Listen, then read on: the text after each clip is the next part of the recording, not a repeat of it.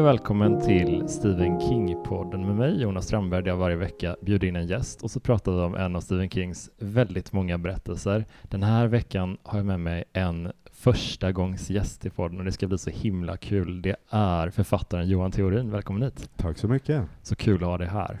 Tackar! Vi pratat eh, ett tag om, om det här, att vi har velat liksom eh, du skickade ett antal artiklar eh, och sådär när jag eh, frågade dig mm. om du ville vara med i podden och du jag märkte direkt att du var extra fäst vid relationen mellan Peter Straub och Stephen King. Ja. Uh, du skickade en, en jättefin hyllande text som Stephen King hade skrivit om Peter Straub och uh, jag kände bara, ah, men det här, det här, jag har letat efter personen att prata om talismanen med. Okej. Okay. För det är en sån bok som har väldigt så här, udda betydelse för mig. Men vi, jag kan... Det får du berätta. Jag kommer berätta ja. mer om det. Ja. Men uh, jag vill veta lite mer om din relation till Stephen King. Hur upptäckte du honom? Ja, men jag, jag upptäckte ju Peter Straub först. och det, det, är, det, är nog ganska, det är nog ganska ovanligt nu. Mm. Men jag är en gammal man och eh, för över 40 år sedan, då var det inte så konstigt faktiskt. För att jag tror att Peter, Peter Straub kom först översatt i Sverige. Eh, och, och dessutom på 70-talet så kom ju knappt skräckböcker eh, utgivna på svenska. Man, man, fick, ha, man fick ha en KK. En, en Kalla kårar, om du vet vad det är, Kalla kårar-serien.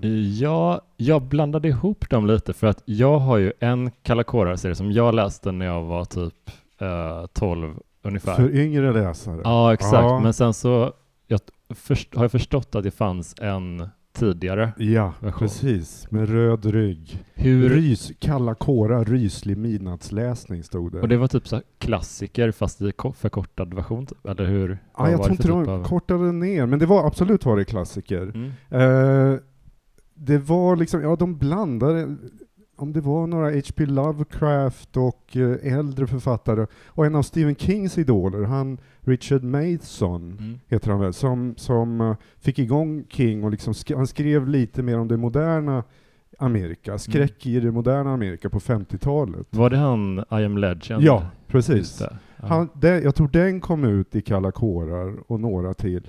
Men som Carrie kunde ju ha getts ut mm. i den. Det var liksom lagom längd. Men jag tror, nej, den, den, det hade inte kommit någon Stephen King. Mm. Och de mm. stora förlagen gav inte ut skräck. Nej. Tror jag alls. Mm. Så att eh, när, när jag gick i bokhandeln som 16-åring, då, då var det ju två ögon som stirrade på mig. Jag hade läst Kalla kårar, och, som är ganska små böcker, och så kom den här stora då, Gengångare, mm. heter den, av Peter Straub med två stirrande ögon på omslaget och jag blev helt fångad av de där ögonen. Det är ett kollade. jättesnyggt omslag. ja. Jag tycker jättemycket om det. Det är något sorts märkligt djur som stirrar ur mörkret och så står det gengångare. Ja, den är, den är otrolig, verkligen. Så jag önskade mig den och så läste jag den och blev helt slukad. Ja. Det var liksom en, en modern skräck som jag inte hade mött förut. För jag hade ju läst de här Kalla Kåra gamla historier. Mm. Men det här var liksom, folk åkte bil. och, det var inte droskor? Nej, det var inte droskor och de hade sex ja. ibland, eller ja. pratade om att ha det i alla fall. Och det var liksom, oj. Mm. Uh, och uh, så, så, den blev jag slukad av och blev en Peter Straub-fan. Och sen fanns det en annan bok, han hade redan kommit med en översatt bok som heter Julia, mm. som också är en spökhistoria. Och som hade blivit film tror jag. Mm. Så den läste jag med. Uh, hade inte hört talas om Stephen King förrän året efter så åkte jag över till USA, för jag hade släkt i Michigan. Mm. Och eh, jag bodde ett år då i USA som utbytesstudent. Och, och eh, tävlade i skolan i terränglöpning. Och tränaren började prata om en författare han läste som heter Stephen King. Som, först tror jag att det var, du måste se, de visar en eh, en serie, det börjar en serie nu som heter Salem's Lot på TV. Mm. Så den såg jag mm. eh, och tyckte var väldigt bra. Ja. Och så läste jag boken och tyckte den var nästan lika bra som, som Gengångare, för de påminner om varann. Men ja. vad jag inte visste var att Peter Straub hade ju liksom inspirerats av Salem slott mm. till mm. när han skrev Gengångare. Jaha, okay. Ja, okay, det hade han. Så, för det, det är ju liksom två amerikanska småstäder som Ja. de utspelar sig i, båda de här. Det. Och det kommer liksom en, en något sorts monster till båda. Eh, och Pete, Peter Straub har sagt, jag har läst en del intervjuer med honom, han har sagt någon gång att liksom eh, Salems lott visar hur jag kunde skriva om en småstad utan att skriva för mycket om olika folk, liksom tappa bort mig i alla människor, utan Mm. välja ut några. Mm. Eh, så han hade den som modell då. Men gud vad inte, också intressant att få följa på, på, på plats i USA, få följa den här bubblande liksom, uh, vad ska jag säga, rise to stardom, Stephen King. Ja, Det i ett år i alla fall, men han hade väl börjat bli rätt stor. Jag menar, Jo men så här var- tidigt alltså, Ja. det är ju mäktigt. Det här var 1981 och då hade ju, sen visade de, eh, de visade Shining på skolan, inte på, det, det fanns ett college i den här staden Mm. och där visade de The Shining och den gick vi och såg. Och, och sen började jag ju läsa, den här, min coach då, han hade ju alla de här. Jag fick läsa Salem Slott först och sen The Dead Zone och Firestarter och sen gå tillbaka till Carrie. Mm. Så jag började med de här första. Och eh, ja, blev också ett Stephen King-fan. Det är, alltså jag älskar att höra den historien för att för mig har Stephen King all, alltid funnits Ja. hela tiden och eh, via, via min pappas bokhylla mest från början. Det är så jag Okej. såg så här Pestens tid och Dödsbädden Mm. hemma hade vi och de vågar jag absolut inte läsa. Okej. Min första så här approach var filmen Djurkyrkogården Oj. och den dröjde jag i typ ett år från att den började den dök upp i våran videohylla Mm. till att jag vågade titta på den. Okej. Det Ja. var liksom den här, eh, ja men det var så otäck, eh, otäckt omslag och, och den här felstavningen. Jag började läsa ganska tidigt och jag, jag störde, det var något som störde mig med den där felstavningen så Ja, ja. länge så jag blev bara illa till mods av det. Det var en lite OCD-iga Ja, ja, ja, draget kanske. Ja. Alltså, men när djurkyrkogården kom, det var ju inbiten Stephen King-läsare. Problemet med Peter Straub var att han skrev ju så sällan. Han, Mm. han var inte lika manisk som Stephen King. Nej. och ge ut böcker. Så det kom en som hette Shadowland, som är en helt annan historia. Mm. Eh, efter, för, för gengångare, eller Ghost Story som den heter på engelska, det är ju ren skräck liksom. Mm. Eh, och sen kom Shadowland, och det är mer en sån här, ja, lite trollkarlshistoria, lite Harry Potter, före Harry Potter. Om en uh, ung kille som vill bli trollkarl och han får höra om en världens mäktigaste trollkarl som håller till någonstans i skogarna i Wisconsin eller något. Så han tar med sin kompis för att åka dit. Den vill jag läsa. Ja, ja. ja, jag tycker den låter ganska ja kul. jo men den är det. Eh, men det var bara det, det var inte riktigt skräck, utan Stephen King var mer pålitlig. Mm. Men så, så kom jag ju hem från USA då, och då kom ju, och jag läste Different Seasons, de här fyra Oh. Ja, kortnovellerna. Och tyckte de var fantastiska allihop. Och en av dem var ju tillägnad Peter Straub. Vilken är det? Det, jag tror det är The Breathing Method. Det är typ Ja. kanske min favorit. Ja, ja. Eller okej. jag, jag, Ja. f- den har liksom blommat upp på senare tid för att den är liksom lite, hela den samlingen är lite så här, den fina samlingen upplever Mm. jag för att det är så här, de är lite, ja men lite mer litterära kanske. Ja. Ja. Men så kommer den i slutet och den är så jävla rå och ja, det är det jag tycker jättemycket om den. Body horror. Fan vad coolt. Men, och då förstod jag att ja, men de har med varandra att göra på något sätt. Och de var ju vänner. De hade Mm. blivit vänner ganska tidigt. Eh, om det var 77, 78 någon gång. Mm. För, för det har jag fått höra sen, att Steve, Peter Straub bodde i England då. Eh, och Stephen King åkte och hälsade på. Eller var där, bodde ett tag. Och så, och så stötte de ihop på något sätt. Mm. På någon författarträff.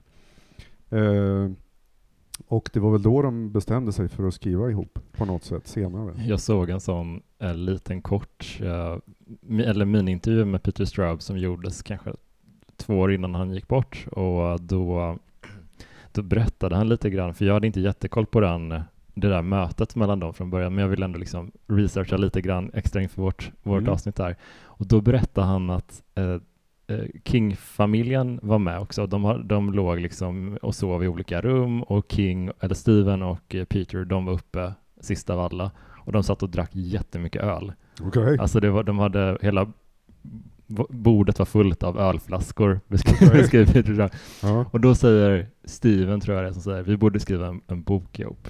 okej. Eh, och eh, så började de liksom så här, de började kolla lite på sina scheman och sådär, för de hade någon idé ganska tidigt upplevde jag liksom. Mm.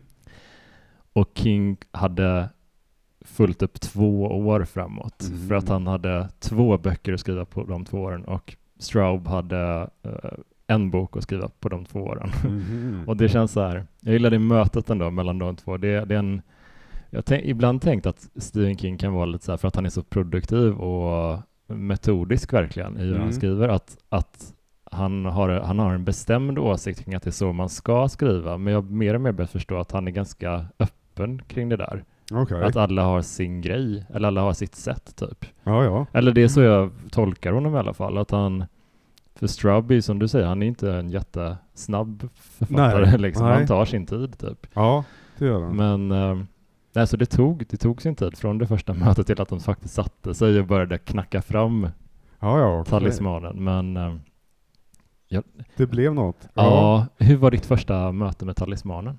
Det var... Ja men, ja men det skulle jag ju berätta om. Då hade jag ju brutit med Stephen King. Eh, Det var tårar och skrik och nej, men, men det var också på grund av djurkyrkogården. Ah, okej. För jag läste den och var helt uppslukad och Ja. tyckte den var så bra och så läskig. Och sen, jag vet inte hur man ska... Nu kommer en, jag ska inte säga någon spoiler, men jag, tyckte, jag blev så besviken på slutet. Jag ska Mm. inte säga för mycket, men det är inte slutet i sig, utan det är att en, en, alltså det finns en ung flicka som heter Ellie som är med i den här drabbade familjen, utan att säga för mycket. Och hon liksom bara försvinner ut så här. Mm. Hon, eh, hon har en viktig roll som någon sorts, som säger saker och har kontakt med de döda lite så här förstår Ja, man. hon är jätteintressant. Ja, men så när allting, allt, ja det går ju ganska illa på slutet, utan Mm. att säga för mycket, så, så bryter hon ihop och blir hysterisk och bara försvinner. Mm. Och det var liksom, Steven, du knöt inte ihop allting. Du berättade inte vad som hände med Ellie. Nej. Så jag skrev ett brev till honom. Att eh, det, här, det här slutet accepterar jag inte. Nej. Jag kommer låsa in det i en källare. Nej, okej jag skriva om. Ja. Nej. Nej, men jag skrev verkligen att jag är enormt besviken. Ja. Och jag fick inget svar, Nej. tyvärr. Nej. Eh, och, men sen dess har jag haft svårt att läsa Stephen King. Jag Eh. älskar att man blir så eh, investerad i, i konst. Det är typ det bästa jag vet. Ja, Att, att, att man blir det, att man blir så jävla uppslukad av någonting att bara Men vad, hur kan du? ja, ja visst. Det är toppen. Annie Wilkes. Det är toppen. Ja, jag läste, alltså, så, så, jag skulle, så jag lovar mig själv att inte läsa Stephen King, och det har jag inte hållit. Mm. Eh, men jag, lov, alltså jag ville fortsätta läsa Peter Straub, så därför läste jag Talismanen när den kom. Jaha, så det var en liten... eh, Det var en- Eftergift. En, ja, För man vet ju inte vad som Peter Straub har skrivit. Det kan ju Nej. ha varit allt. man, vet, Liten chans, men... ja, alltså, man vet inte det. Jag tänkte på det nu andra gången när jag läste den inför vårt avsnitt här, att jag, jag försökte lite bara spontant ibland känna efter, bara, är det här King? Är det här? Men jag, Mm. jag känner inte att det är någon sån klyfta mellan de två. Jag Nej. upplever att det är en enhetlig röst. Ja. Även i eh, boken Törnrosor som jag inte var så förtjust i, men den har King skrivit med sin son eh, Owen King. Mm. Och där är en styrka den ändå har, är att den inte känns som skriven av två personer, utan det Okej. är en, ett fram, fram, bra samarbete liksom. Ja, ja. Så sett. Men, eh, men hur, eh, vad tyckte du om Talismanen första gången när du, när du läste den? Jag tyckte, eller jag kände mig lite gammal faktiskt. Ja, hur gammal var du när du läste den? Jag var 17 då. 17. Ja. Jag var 22 tror jag. Mm. Och jag kände jag borde ha varit yngre. Jag, jag hade blivit, eller alltså jag har inte läst en King eller Straub som jag inte blivit fångad av. Mm. Jag har aldrig varit uttråkad. Så jag, jag fångades och jag sträckläste. Det har jag alltid gjort. Mm. Eh, men jag blev inte lika överväldigad som av Salem slott eller Nej. Ghost Story. Eh, ja, och jag tänkte nästan att det kanske är för lite yngre läsare den här Mm. boken. Mer. Jag, jag läste den i, eh, jag var på en sorts volontärarbetsprojekt i, i Vitryssland en sommar. Eh, 2006 var det. Och egentligen var det bara för att jag pluggade ett program på gymnasiet där, som är så här, IB-programmet heter det. Mm. Och där uh, ingår det ett uh, projekt som heter Creativity Action Service som är liksom ett utanför schemalagt, liksom, icke schemalagda aktiviteter och det är ett antal timmar som man ska spä ut över två, års, uh, två läsår. Jag hade inte gjort några av de timmarna när det blev dags för det sista sommarlovet innan år tre. Mm. Så jag bara, jag måste bränna av de här timmarna på något sätt. Och mina föräldrar var engagerade i en så här kyrkoorganisation med en vänförsamling i Vitryssland.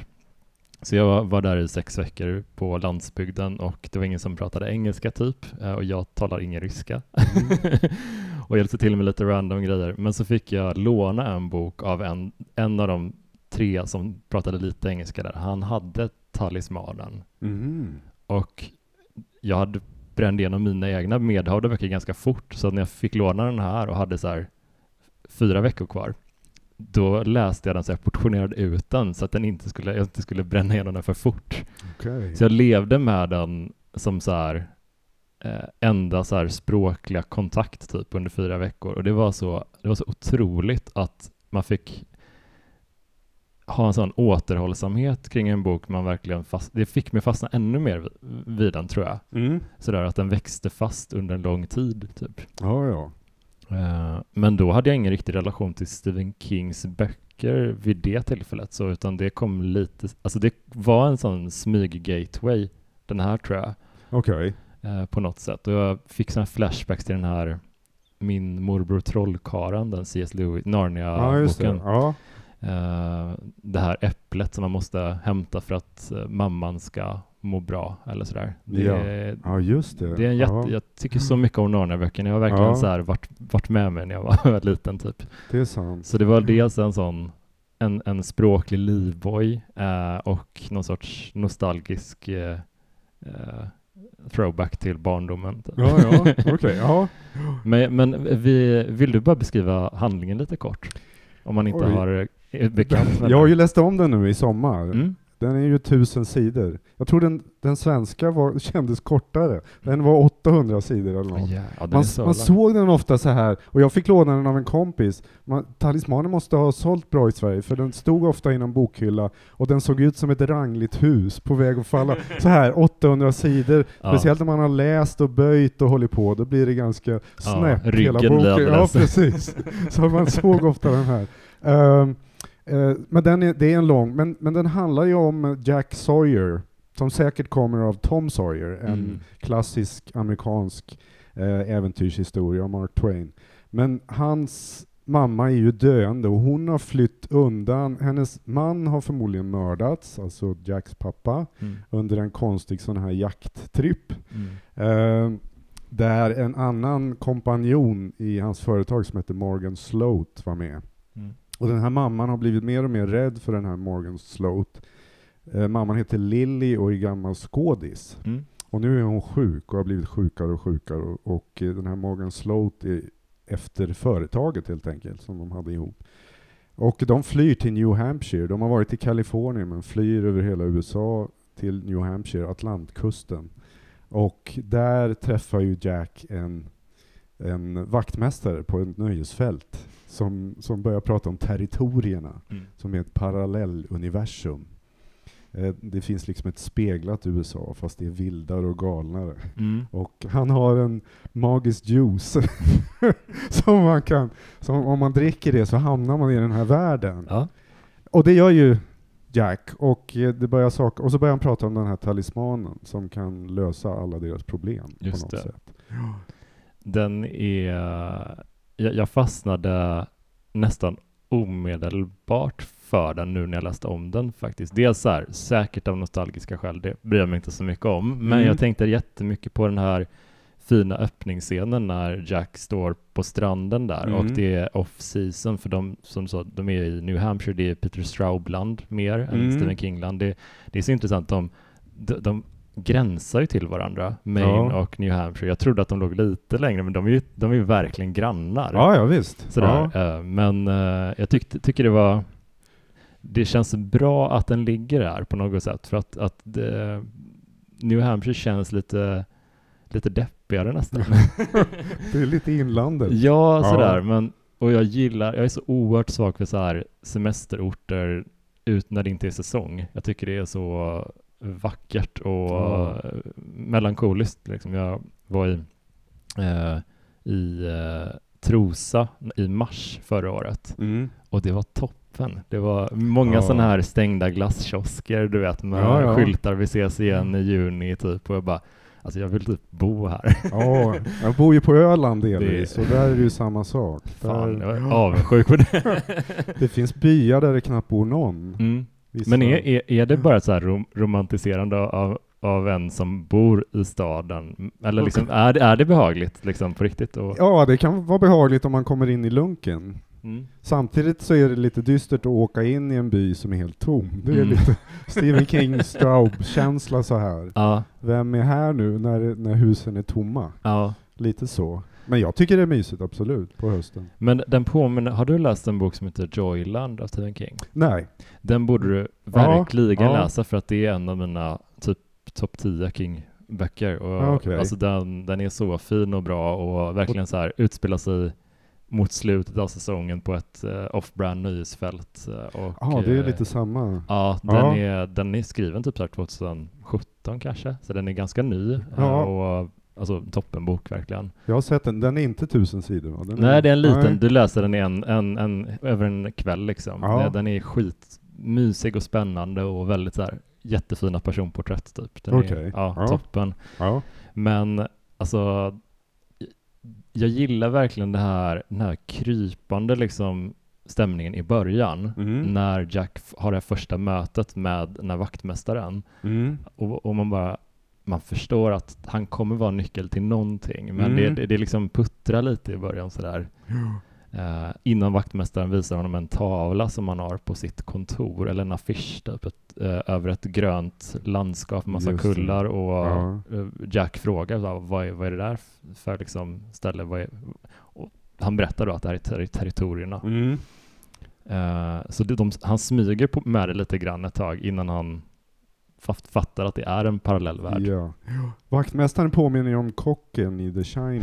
Absolut. Uh, vi, alltså man ser mycket ekon av, av andra böcker i det här. Mm. Uh, The Shining är, som jag har förstått är det Peter Straubs favoritskräck mm. roman. Mm, den är kanon. Ja, han, han blev tillfrågad vilken är din favorit? Och då sa han just The Shining, men inte filmen. Så att han var solidarisk Han behåller vänskapen. Ja, precis. Men alltså, den, den har ekon av så mycket typ. Och eh, jag är jätteförtjust i Trollkarlen från Oz uh, och ser, ser om den ibland och sådär. Och mina systrar uh, hade typ musiken och spelade den jättemycket hemma och sådär. Så att den har liksom varit en del mm. av uh, märkligt nog, för jag har förstått att den är väldigt stor del av amerikansk kultur, liksom, mm. att den, det är många kreatörer som har den som referenspunkt och sådär. Mm. Men jag tyckte att den, jag har alltid tyckt så mycket om den och den är, den är så vacker och kuslig på samma gång på något mm. sätt. Den ja. är jättefin verkligen. Och så, så, så Narnia förstås och sådär. Så den har så många referenspunkter ja, alltså, ja, från saker som man tycker om. Och Lord of the Rings, med mm. det här man ska, det är ett, ett kraftfullt eh, föremål som alla vill ha. Liksom. Ja, och, och, och jag gillar att de territorierna är ju som du sa, en, det är en spegelvärld av USA, men den är också det är en krympt värld. Mm. Så en grej som Jack eh, gör är att han liksom eh, när han rör sig en viss sträcka in i territorierna och sen flippar tillbaka, så han kommer tillbaka till USA, då har han rört sig en betydligt längre sträcka. Ja. Så att han kan liksom röra, det, det är som en eh, speedad roadtrip. Typ. Ja, precis. För talismanen, enligt ryktet från Speedy, vaktmästaren tror jag, så finns ju den i Kalifornien, alltså mm. alltså på andra sidan världen. Mm. Och, men då är det ju väldigt bra att man kan, alltså den finns i den verkliga världen, mm. eh, men man rör sig mycket snabbare i territorierna, så mm. att eh, han kan, går han så har han nästan kommit halvvägs dit. Ja, vad, vad tycker du om de här um, uh, tvilling um, människorna? Just det, det finns, allting finns parallellt i, mm. och de kallas för twinners då. Jag minns inte vad de hette på svenska. Men Twinners är, alla har sin motsvarighet, om inte någon har dött då. Mm. För, för så är det ju med några personer, att då har twinnen dött. Men uh, den här Morgan Sloat som är skurken, han finns ju definitivt i territorierna. Han mm. är ju den, den onde härskaren där på något mm. sätt. Som hotar drottningen, mm. som är motsvarigheten då till Jacks mamma. Det är så fint för att hon refereras ju till uh, Queen of B-movies i, mm. i, den verkliga, eller vår värld. Mm. Uh, och där är hon en, en faktisk drottning. Ja. Det är så... Uh, Sleeping Beauty. Ja, det är så snyggt. ja, visst. Men uh, jag, jag, tycker om att den hoppar lite mellan vår värld och territorierna för att det jag, jag, kan tycka ibland att när man tillbringar för mycket tid i en fantasivärld, om man inte är så van vid att läsa fantasy, mm. eh, att det, lite, blir lite för främmande. Mm. Typ, så att den ankras hela tiden med, med jämna mellanrum i vår värld. Ja. På ett sätt som jag tycker jätte, jättemycket om. Ja, visst. Det, jag vet inte om de var först att komma på det, för uh, Liksom att, att det finns liksom en spegling, det, mm. det har jag inte hittat. Nej, det var annan. jätteintressant och den, den är ju mm. någonstans, uh, det finns en del paralleller till uh, Dark Tower också, tycker jag. Okay. Uh, de, de blir mer explicita i uppföljaren The Black House som Just kom det, 2001 ja. typ. Och där, där är det mer så här lite mer uttalat. Här är mer att uh, Sleepy, hans, uh, hans tvilling, Twinner, i uh, territorierna, det är en revolverman och revolvermän är ju väldigt framträdande i mm. Dark Tower sådär. Uh, och det här att det finns föremål som håller ihop alla parallellvärldar och sådär. Mm. Uh, det är också en sån, ja, men jag tycker mycket om det. Ja. Men hur tycker du samarbetet funkar, liksom rent kreativt? Mellan dem? Mm. Det, jag, jag, vet bara att jag har ju läst en del intervjuer med Peter Straub och han, sa, han beskrev det efteråt som att ro över Atlanten i en eka, eller något sånt där, och skriva talismanen. Ja. Och jag vet inte varför, om det var för att Steven skriver mycket snabbare än Peter, och han hade svårt att hänga med, eller om det var, och, och, det, och, och det läser jag på ett annat sätt nu, som jag inte fattade då. För Stephen King var ju alkoholiserad, när, när den här skrevs. Mm. Och det kan ju ha spelat roll i samarbetet, jag vet inte. Mm. Han var ju otroligt produktiv trots mm. det. Uh, ni har ju pratat om missbruk vet jag i podden innan, hans, hans missbruk. Men nu ser man ju liksom tecken som det här att att Jack ska dricka en magisk juice för att komma till territorierna. Och det är liksom äckligt, ja. och, men han dricker ändå, och så mm. plötsligt är han i en annan värld, och ja. allting känns mer intensivt och så här. Ja. Um, Men det är ett, jag, håller med dig, det är ett lite äckligt transportmedel, eller en, en portal sådär. Jag hade, eh, det, det, är tråkigt ibland att prata för mycket om tekniska detaljer, men jag hade kanske föredragit att det var ett objekt, mm. eller någonting, kanske ett mynt eller någonting som gjorde att han kunde ta sig, eller jag vet ja, inte, ja. den här drycken det är lite...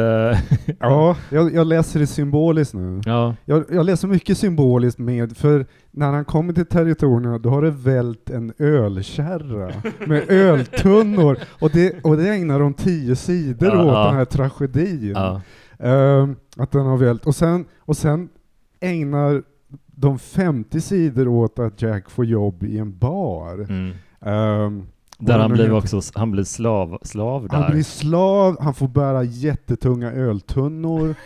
och det är för mig känns det som att Steven hade insett att jag har ett problem, jag dricker för ja. mycket öl och det här är inte gott längre. men jag kan inte sluta. Han är liksom under de här öltunnorna. Ja. Så läser jag det nu, mm. inte då. Ja. Men jag fastnade en detalj för som jag verkligen har kommit ihåg ända sedan första gången jag läste den 2006. Det var den, det här, den här känslan Jack beskriver när han har varit en stund i territorierna och inte ätit någonting. Han har inte fått tag i någon mat alls. Och att det var en annan typ av hunger som mm. han känner. Det är inte en sån hunger som man kan mätta genom att ta en chokladbit eller en bit äppelpaj bara och så, så är det bra sen. Utan det här är en konstant känsla som man måste leva med typ. Ja, ja. Jag tyckte den var så eh, himla intressant verkligen. För att jag tycker King har ett sånt spännande sätt att prata om, om mat. Ja, faktiskt mm. tycker jag att det, det, det, känns ofta väldigt tillfredsställande när han berättar om att någon äter någonting eller dricker någonting. Det känns väldigt äkta. Mm. Ja. Och det låter alltid så gott. Typ. Ja. men eh, så det här tyckte jag var ganska intressant att han bara, ja men tänk om man inte hade någon mat då Mm. alls, eller om man inte bara hade samma tillgång till det, ja. den bekvämligheten. Det tyckte jag var jätteintressant verkligen. Ja. Det, ja visst, man, ja, man läser det annorlunda och, och en annan sak jag tänkte på, det var att ehm, den här skurken Morgan Sloat, han är ju som en version av Trump. Ja, Det ser jag nu. ja gud ja. Alltså Stephen King, The Dead Zone, har ju, där finns ju en Trump-version. Men i Talismanen så finns en annan version, alltså den här kapitalistiske Trump Mm. är mer med. Inte den politiske, han är med i The Dead Zone, som heter Greg Still- Stillson. Stillson, Just det. som gör politisk karriär trots att han är Mm. helt knäpp. Han är Mm. liksom som en clown och alla Ja. skrattar honom till Vita huset. Här är det mer fastighetshajen, Mm. Donald Trump, i form av Morgan. Ja, som, Som- verkligen ses i tillfälle när drottningen... Ja, Ja. i utslagen. Ja. Ja. Och jag räknade, Morgan Sloat har exakt samma antal bokstäver som Donald Trump. ja, det är inte... Sammanträffande? Nej, jag tror inte Ja. det. nej, men, nej men eh, det tänkte jag på nu, det tänkte jag inte på då, i Mm. mitten på 80-talet. Men en, en sorts hemsnickrad teori som jag har haft lite tag är att King har lite, tidiga King, eller relativt tidiga King, när han handskas med eh, lite mer avancerade koncept eh, så, så bär det inte hela vägen alltid. Mm. Typ eh, till exempel min käpphäst 112263, den Kennedy-mords eh, tidsresa. Ja. Den tror jag inte han hade kunnat skriva 82. Typ. Jag tror inte att den hade blivit lika begriplig och enkel där det behövs och eh, känslomässigt laddad som den blev när den kom 2011 eller vad det var. ja. Han har liksom, men här, det här är ett ganska avancerat koncept att hoppa mellan världar, det finns parallella mm, Alltså man har en klon typ på, i den andra världen och Mm. sådär. Ja. Men jag, tror att han mådde så bra av att skriva den här med Peter Straub. Det, det, där känns det som att Straub hade ett gott inflytande på honom på något sätt. Att Straubs kanske lite långsammare arbetssätt Mm. gjorde att de fick arbeta med vissa detaljer och fick tänka igenom vissa grejer. Och det, jag tycker den känns riktigt genomarbetad överlag. Den är lite, lite lång på sina ställen. Mm. Men just mytologin känner jag inte stör alls. Typ. Det är Nej. inget som jag hakar upp mig på och undrar oj, hur hänger det här ihop eller någonting, utan det känns så genomtänkt och, och smart allting Mm. bara. Om man ska se skillnaden, det har jag ju funderat lite på, skillnaden mellan Straub och King, vad den är. Jag tror att det finns många likheter. Mm. Att, att de fastnade för varandra som vänner, det tror jag är att ja, men de hade lite samma uppväxt. Eh, som, som jag har förstått det så papporna var ganska frånvarande. Stephen Kings försvann väl helt. Mm. Medan Straubs, vad han har sagt i intervjuer, så var, så var det mamman som liksom höll ihop hemmet. Mm. Och det var det med Stephen King också. Mm. Och sen blev de ju båda lärare. Just det. Eh, i olika, Peter Straub bodde väl i Wisconsin och växte upp där. Och King i Maine. Men, och, så ble, och så fick de det här då, de blev, de blev författare ungefär samtidigt. Mm. Eh, 73, 74 någon gång. Mm. Och, och träffades. Och jag tror att eh, det var liksom mycket, och de älskade att läsa. Och, ja, det, alla författare blir ju inte vänner som träffas, det kan jag säga. Nej, jag tänker det att två som har så distinkta stilar ändå, som, som Straub och King, Mm. att de ändå lyckades samarbeta. Du, du som författare, hur, hur, hur skulle du känna inför att arbeta på det sättet? Ihop med någon. Ja, med någon så liksom inti- intimt ändå. Jag tror, jag tror det ska vara någon som man står väldigt nära, för man måste sluta vara artig mot varann. Mm. För då har jag, de få gånger, jag, jag skriver själv i stort sett jämt, de få gånger, ibland så är, sitter jag är för artig, eller den andra är för artig, för vi känner inte varann liksom. Mm. Trots att det kanske inte känns rätt. Så, så de som lyckas är oftast de som skriver som är gifta eller syskon, tror jag. Mm. Eh, så det här att Steven och Peter klarade av det, det, det är väldigt Mm. bra. Alltså. Ja, verkligen. Men det kanske också eh, bodde Peter Straub i England sen också, vet du? Jag tror han flyttade hem. Han fick, Mm. ju, så, han, han fick ju verkligen succé med, med Ghost Story och Mm. sålde miljoner. Mm. Och då flyttade han hem till New England tror jag, inte till Wisconsin, utan Mm. om det var New Hampshire eller Connecticut eller någonstans. Mm. Men han bodde mycket närmre. På rätt kust i alla fall. Ja, och då hade, då hade de ju en annan sak. De hade ju liknande familjer. De hade Mm. barn i samma ålder tror jag. Mm. Som sen har blivit författare. Ja, Emma Straub skriver romaner och Owen och Joe. Joe. Ja. Precis. Men det är ju så himla intressant tycker jag att det här första mötet där med alla de här ölflaskorna Mm. på bordet, att, att den bok som sen, om jag har timelinen rätt här, som, den som sen kom ut från Straub var Ghost Stories. Tror jag. Ja, det, så kanske det var. Jag ja. tror att om de, de hade så här, de sågs 77 och Ja. den kom 79 tror jag. 79, ja precis. Ja, då tror jag att det Ja. var liksom, det var så fint att hans breakthrough kom där och sen som en andra våg kom det här samarbetet. Just det, ja. Men vet man något om hur den mottogs när den kom? Talismanen. Ja. Så där tror jag. Mm. Äldre, som sagt äldre. Jag var äldre och recensenterna är äldre. Ja. Och det hade varit bättre med yngre recensenter i tonåren tror jag. Ja. Men kan, man kan se det ibland att, inte så vanligt, jag pratade lite med Lotta Olsson på, på DN om det i, när hon var med i podden, Mm. att eh, just hur, hur kritiker närmar sig populärkultur nu versus för typ 30 år sedan. Och eh, det är, finns ju en annan förståelse för genre litteratur nu, alltså science fiction och skräck och fantasy och sådär. Det finns en annan grundkunskap och Mm. intresse, men eh, ibland så bubblar det ändå fram. Jag läste bara lite hastigt nu att det var någon SvD-recension av en ny skräckis som var lite sådär, ja den är, det är bara dum skräck typ. Jag bara, men du kan inte avfärda det så. Alltså jag Mm. förstår att man kan tycka att en film är dum och sådär, men att i tonen lät det lite som att det var, ja men aha, hur kan någon göra en sån här film? Mm. Typ. Och jag bara, men det är fantastiskt underhållande. Ja. Och det är ju ett jättearbete bakom att, att sitta och bygga en sån berättelse som är konstant spännande och överraskande. Och Mm. det är ju ett otroligt hantverk verkligen. Så det finns nog ändå lite, lite bubblor av den gamla skolan kvar Ja, ja. fortfarande.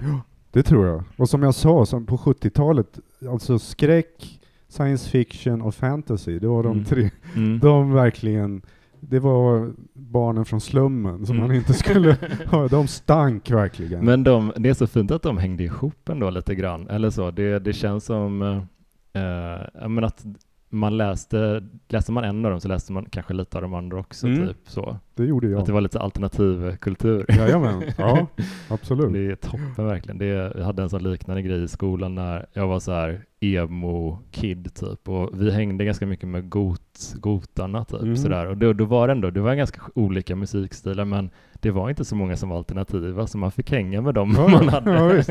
De som Typ. hade tagit steget. Ja, och hårdrockarna också. Och alla vi läste ju också så här, ja men lite konstiga böcker och kollade på så här extrema skräckfilmer typ och sådär. Det, det var, det, ja men det var, kändes kul att vara lite udda på något Ja, sätt. ja, ja, Att man bara omfamnade det. ja. ja. Du hade någon i alla fall. Jag hade, eller jag försökte få mina kompisar att läsa Ghost Story då, Mm. gengångare. Mm. Och det var ju trögt alltså. Det var det? Ja, det var, nej, jag, jag hittar nog ingen där som, men däremot några läste senare Talismanen och fastnade mer. Mm. Men i början var det för konstigt, de tyckte det var för konstigt. Ja. Alltså vad är det här? Ja. För, för vad Peter Straub gör ju lite, lite som i Territorierna, att han liksom förvränger verkligheten. Men i Mm. Ghost Story så är det mer att de hallucinerar och, Ja. och ser saker. Och det, det, är liksom, det, det tyckte jag var häftigt. Mm. Men mina kompisar tyckte bara det var konstigt. ja.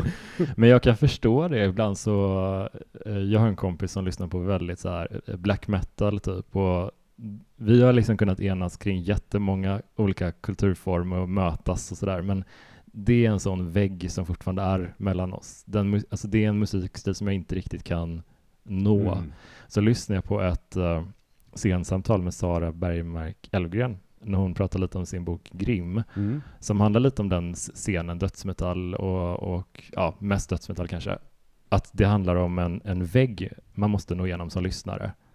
Men när man har kommit igenom den väggen så, så är man där. Då har man liksom, kan man uppfatta nyanserna i musiken och uppskatta den på ett annat Ja, sätt. ja. Mm. Men det, det är en utmaning och jag tror fantasy kan vara en sån utmaning för, för många faktiskt. Mm, Att det är, ja. en, en, det är för abstrakt, det kanske är lite, det är lite för Det är för påhittat. Ja, exakt, att det känns så. Men jag, jag tror faktiskt att just Narnia var en sån bra crash course eh, för mig, liksom att eh, hitta in i en sån verklighetsflykt mer där. Mm. Jag tror det, det kändes så bra att det, också fanns ett riktigt London inblandat i Narnia-böckerna Mm, som de ja. kom ifrån och reste till det här andra, den andra världen. Eh, på samma sätt som här, det finns ett eh, New Hampshire, Ja, ett hem typ. ja, ja. Dit han vill tillbaks. Ja, så, ja men det är väl en, den typen av eh, lite mjukare fantasy tycker jag väl mer om på något sätt. Att, Mm. att man kan komma tillbaka. Typ. Ja. Peter Straub gillar ju inte fantasy. Har han sagt gör någonstans. inte? Nej, men det, det, han inte gillar är sån här um, sword and sorcery, alltså med, med folk som svingar svärd och så. Ja. Som jag gillar, absolut. Ja, ja. Eh, men, men han gör inte Och han är nog lite mer, jag tror Stephen King gillar sånt mer. Har du, för jag har inte läst den Drakens ögon, har du Nej, läst jag har den? inte läst det. Jag, hade, som sagt, jag har inte läst mycket Stephen King Mm. efter Djurkyrkogården. Mm, mm. Eh, men jag har, mina favoriter är, är Misery och eh, att skriva on writing. Mm. De två har jag läst. Och sen har jag läst Under the Dome. Mm. Sen har jag inte läst mycket, så jag får skämmas. Men jag ska Men eh, Joyland. Joyland, den läsa. kommer du verkligen tycka Ja. om tror jag. Den, Ja. eh, det är en sån, eh, men han är, det är som att han bara är i sin, sitt esse där. Okej, Det, jag tycker ja. den, och den är så här för, föredömligt 180 sidor kanske. Ja, Det gör så mycket ja, ibland. ja. Jag fast, fastnar mycket för de här halvlånga, eh, alltså de här långnovellerna typ som eh, Secret Window till exempel och, Mm. och Breathing Method då där. Och så, Ja. sådana som är ja, men 130 sidor kanske. Mm. Det är typ en perfekt lan- Ja. längd ibland. ja. The Mist gillar jag också. Mm, den, är, den är Mm. verkligen toppen. Ja. Men eh, hur tänker du liksom att, eh, för, för de, King och Straub släppte ju den här och så ett, ett gäng år senare så kom uppföljande Black House. Mm. Eh, det fanns tydligen planer på en tredje bok också nu, Ja. har, har Straub nämnt vid något tillfälle och även King tror jag, i förbifarten. Peter Straub är inte med oss längre tyvärr. Och, Han dog eh, förra året. Ja. Ja. eh, hur, hur, hur tror du att Stephen King känner för att ta sig an det projektet som har varit deras gemensamma, om du får liksom spekulera. Hur, Ja. hur känns det att, att ta en, kommer, tror du att han kommer göra en tredjedel? Jag tror inte det. Nej. Jag vet inte. Jag har inte frågat. Mm. Men jag undrar det. Eh, det, det undrar jag. Men jag, jag gick och väntade på en faktiskt. En tredjedel. Som aldrig kom. Mm. Och jag tror det var mycket Peter Straub. Han, han skrev färre och färre romaner. Ja. Mindre och mindre helt enkelt. Vad det berodde på, om det var hälsoproblem eller något annat. Men, men det gick många år innan det kom något nytt. Och sen tror jag inte han har skrivit något på tio år eller något. Nej men det är ju en Mm. ganska smal eh, serie. Alltså, många tycker typ att Dark Tower är lite för konstig och flummig. Mm. Eh, Men det är, det är åtminstone en numrerad serie som man kan läsa i ordning och liksom, som de flesta som känner till den vet att det är en serie. Mm. Talismanen, det är, de, många, många vet inte att den ens har en uppföljare. Nej. Det, det, jag blev lite överraskad när jag såg det alltså för typ tre år sedan. Jaha, Black House? Kände, alltså titeln känner man igen, men jag fattade inte att det var en koppling till Nej. alls Talismanen. Nej. Så att, eh, att, att när, när King nu är liksom 76 eller 77 typ, att han då ska lägga tid på att skriva en tredje del av en serie som många inte ens vet är en serie. Nej. Ja. Jag Mm. fattar att det kanske inte är prio ett, Nej, men samtidigt så det hade ju inte känts osmakligt på något sätt. Det är inte det, alltså jag försöker Nej, nej. fara efter eller någonting. Alltså det fanns säkert anteckningar och de hade Ja. säkert pratat mycket. Så att det hade nog känts liksom intressant att läsa den om den hade kommit såklart. Men, Ja. men eh, jag tror inte att han pallar göra det riktigt. Det, det, han, det var ju så kort tid sedan också han, han dog. Ja, så, och det, ja. jag, tror inte, jag tror det känns för jobbigt kanske. Ja. Eller det, det här är ju såklart bara spek spekulationer kring jag kan ju inget om kreativ process så sätt, så att det, men man, om man kan gissa lite. Mm. Mm. Ja, jag tror det. Det är nog liten chans, tyvärr. Mm. I, i um, Black House så är ju Jack, han har blivit vuxen då. Det är Mm. liksom Dr. Sleep, Mm. får man följa honom. Han har blivit polis. Ja. Och Och- jagar... Sti Peter Straub blev väldigt förtjust i seriemördare i dem på 90-talet. Eh, Mm. Hur låter det? Nej men, nej men han började skriva romaner om seriemördare som jag också har läst. The Throat och Mystery och Mr X och några till. Hur jag det- tyckte han blev lite för förtjust i seriemördare. Ja. Eh, men och det har även påverkat Black House. Det Mm. handlar om en seriemördare. Jag, jag började läsa den för ett tag sedan och så pausade jag den lite och sen så har jag inte riktigt återvänt till till Okej. den, tyvärr. Mm. Men, eh, men jag, den hade riktigt ett lite annorlunda angreppssätt, eller ett, sätt att, ett berättarsätt, eller vad man Mm. ska kalla det, för att den, den har det här eh, helikopterperspektivet i Mm. början i typ 50 sidor som där det är Mm. liksom som en drönare som sveper över massa Mm. människoöden och hoppar mellan dem och jag blev lite förvirrad tror jag i Mm. början. Ja, okej. För jag tänkte att den skulle vara lite mer lik tonen som talismanen kanske, men Ja, nej, det är också är en annat. vuxen Jack så att man förstår ju att den inte låter och är berättad på samma sätt. Ja. Det är ju en kallare historia typ. Mm. Men det finns ju ett, precis som i Talismanen finns det ju ett svart hotell som de ska till. Mm. I Black House finns det ju förstås ett svart hus som Ja. de går in i. Ja, det är nice. som är mystiskt. Men tycker du att om man verkligen äl älskar talismanen, vilket jag gör, tycker att man ska ta sats och läsa Black House? Och det kommer jag ju läsa den för podden någon gång, men Ja, liksom, ja, det handlar ju om ja. i, i vilken prioordning man lägger det. typ. Absolut. Ja, minnet, alltså det är ju om det är, det är 20 år sedan jag läste den, och, men jag minns att jag bara sträckläste den också. Mm. Finns ingen Straub eller King som jag har kämpat med i roman. Jag Mm. blir alltid fångad och sträckläser. Ja. Men vissa grips man av mer ja. än andra. Så är det ju. Men det är lite typ att ibland så eh, det, jag försöker läsa typ var tredje bok, eh, någon annan författare än Stephen King, eh, just för att det blir, eh, alltså annars så blir man, får man lite avtrubbad sm- smak upplever jag. Mm. Eh, så att eh, man behöver ta en sån palette cleanser ibland. Ja, ja, ja. Men jag kände lite när jag började läsa House att det kändes som en det kändes inte riktigt som samarbetet mellan de tidigare och det kändes inte riktigt som Stephen King och inte riktigt som Ghost Stories är den enda jag har läst av Mm. Straub Solo och sådär. Så det, det kändes som något helt annat bara. Jag, Ja, ja, jag var ja. mest det som jag var lite så förvirrad över. Eh, men Peter Straub har nog, även King förstås, men Straub har verkligen velat skriva annorlunda saker. Som sagt, Mm. han kunde ju ha fortsatt med spökhistorier efter Ghost Story, Mm. men då skrev han den här Shadowland som handlar mer om trollkarlar och eh, magi. Och sen, och sen gick han mer över som sagt till deckare och thrillers. Det trodde jag att Stephen King skulle göra när han började köra Mr. Mercedes-serien, att okej, nu är han deckarförfattare. Ja, ja. Det hade varit fine, Mm. men eh, som tur är så började- fortsatte han göra lite andra saker också. Mm. Men det kanske är om man inte har den där abnorma produktionstakten som King, då, då kanske man måste välja ett spår lite mer. Ja. King kan ju parallellköra Mm. en fantasy-karriär och en true crime-karriär, men det är ju de flesta kan ju inte det. Eller så även om man är duktig på att skriva och, och skriver fort och sådär. Ja. Alltså, ja jag vet inte. Det, Något som, alltså, som jag författ, som författare kan liksom beundra honom och, och vara överväldigad av, det är just hans produktion. Att han, att han, ehm, och speciellt när han hade det så jobbigt med missbruk och som vi pratade om, och även bilolyckan. mm. Då är det som, jag vet Dostojevskij hade det svårt också. Mm. Hans, och hans familj började dö då i Ryssland på 1800-talet och han själv började med spelmissbruk. Ja, jag läste den, spe, det är den enda jag läste om Spelaren. Spelaren, Den tyckte ja, jag visst. jättemycket om. Ja, men hur han än mådde, och han satt i fängelse och, och det var total kaos i hans liv, mer än King. Men hur han än mådde så nog skrev han romaner. Mm. Och det är ju samma med Stephen King. Mm.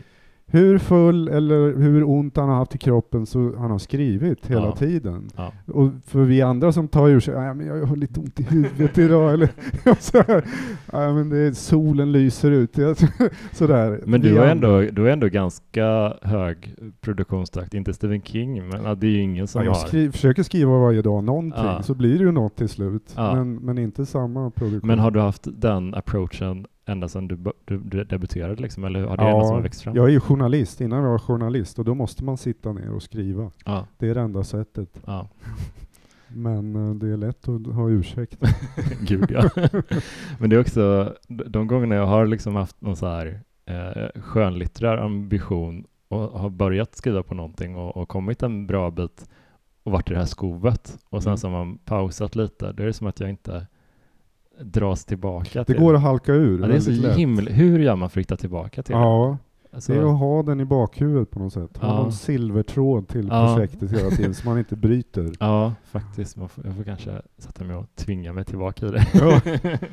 Men Peter Straub fick tydligen lite skrivkramp efter Talismanen. Ja. Han, just det här att ro över Atlanten. Men jag, det knäckte honom lite. Jag kan han... fatta det. Alltså det, det, det är också så irriterande äh, säkert när det kommer från någon som inte skriver så. så. Äh, men jag hade under många år en sån lite obstinat syn på alla som inte var som Stephen King. Mm. För jag, jag, hade plockat upp det där i hans on-writing, att han skriver varje dag och sätter sig och jobbar med det och betraktar det som ett ar arbete. Så. Mm.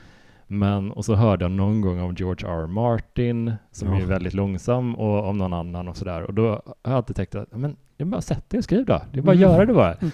Men sen fyllde jag 30, jag tror det var då jag började märka liksom att det, det är som det är så lätt att säga det om vad som helst. Det är så lätt att säga att någon ska gaska upp sig om de mår dåligt. Eh, ta tag i det där, bara skärp dig. Men sen förstår man att det finns ju lite andra aspekter av det där mm. också.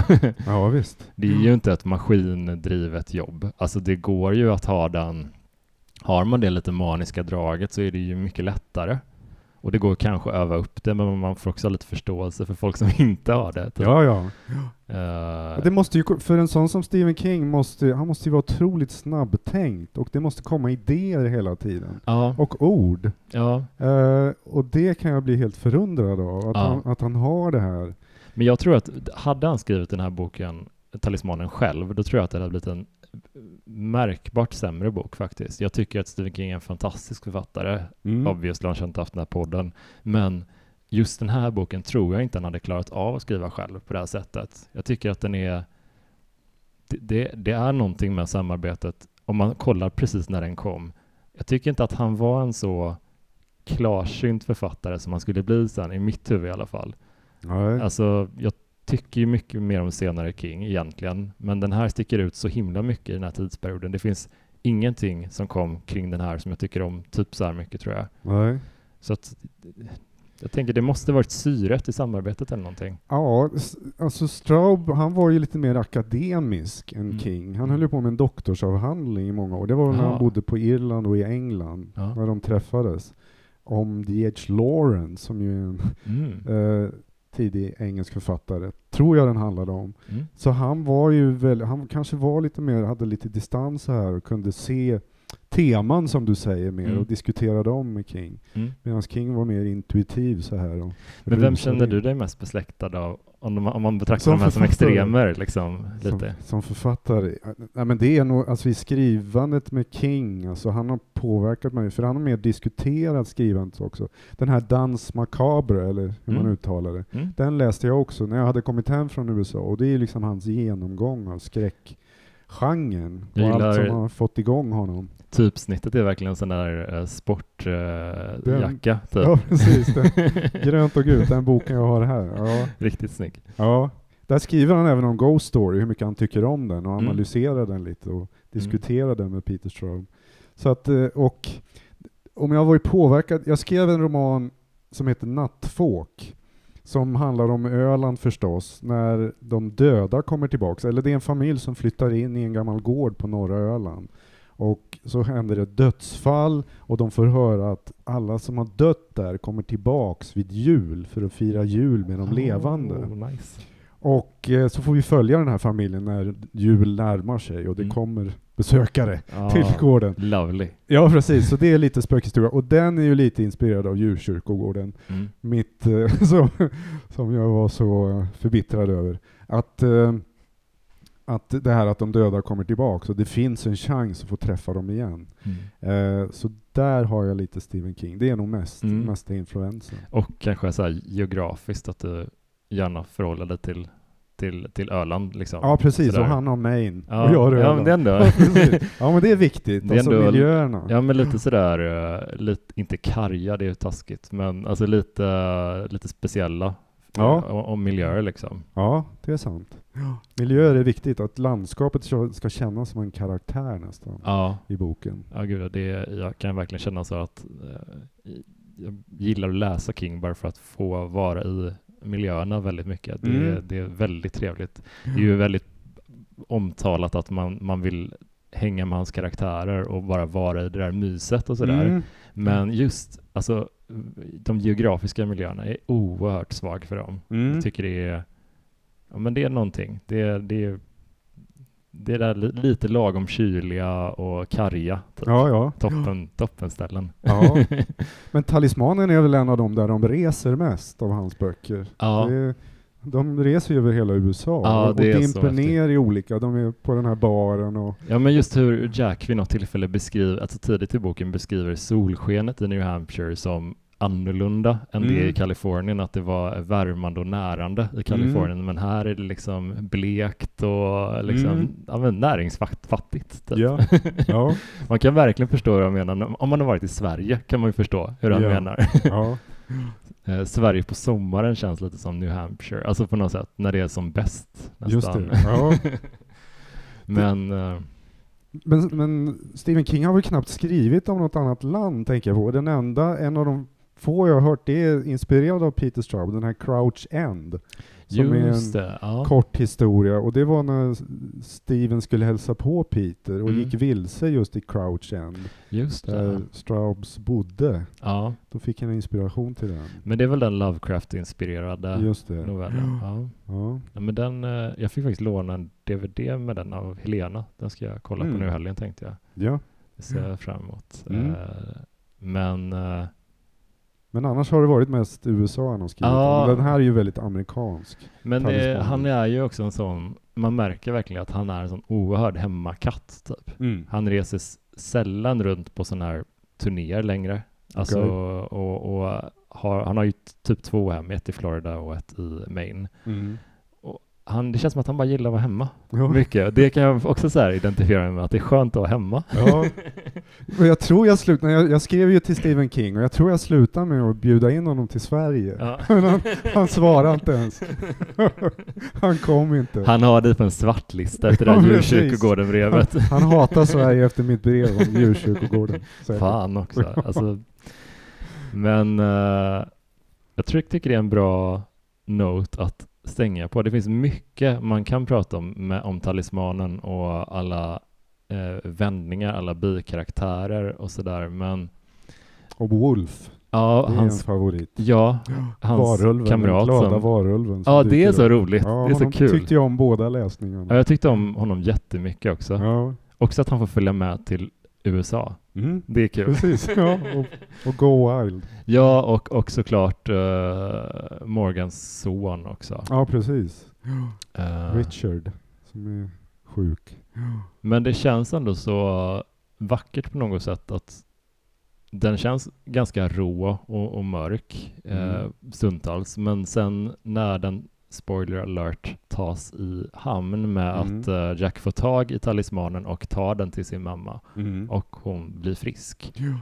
Det, det är verkligen eh, en sån ja, men en sån barnsligt tillfredsställande känsla. Jag Mm. känner verkligen som när eh, Diggory fick tag i det där äpplet eh, som Aslan hade liksom guidat honom till i Narnia. Och han, Mm. han kom hem till sin mamma och gav henne det och hon mådde bra igen. Det, det är verkligen att rädda sin mamma typ. Det, det är Mm. något så, jag vet inte, det är ja, vackert bara. Ja, det är det. Det är, det är ett ljust slut. Det är Mm. Ghost Story har också ett ljust slut Mm. jämfört med djurkyrkogården eller andra.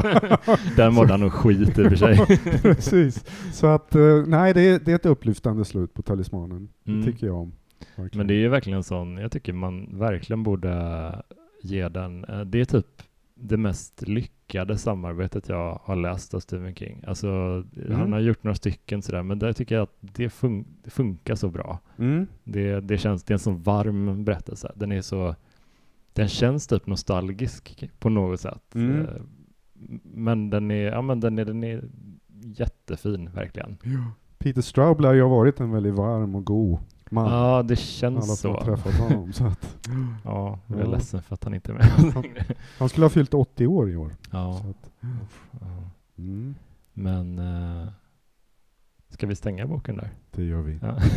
Det var jättekul att ha med det. Det var, det var så mycket vi hade vi tänkt prata om, men det, jag tycker vi fick in mycket ändå Mm. faktiskt. Ja. Eh, Du är jättevälkommen tillbaka någon gång. Okej. Du, det här var superkul att Mm. ha med dig. Det var det. Eh, och ni som har lyssnat, ni får jättegärna hoppa in i Facebookgruppen och snacka lite om Talismanen för att jag vet att det är en bok som många har efterfrågat länge att vi ska prata om. Så äh, gå loss i kommentarsfältet så hörs vi om en vecka igen. Hej då!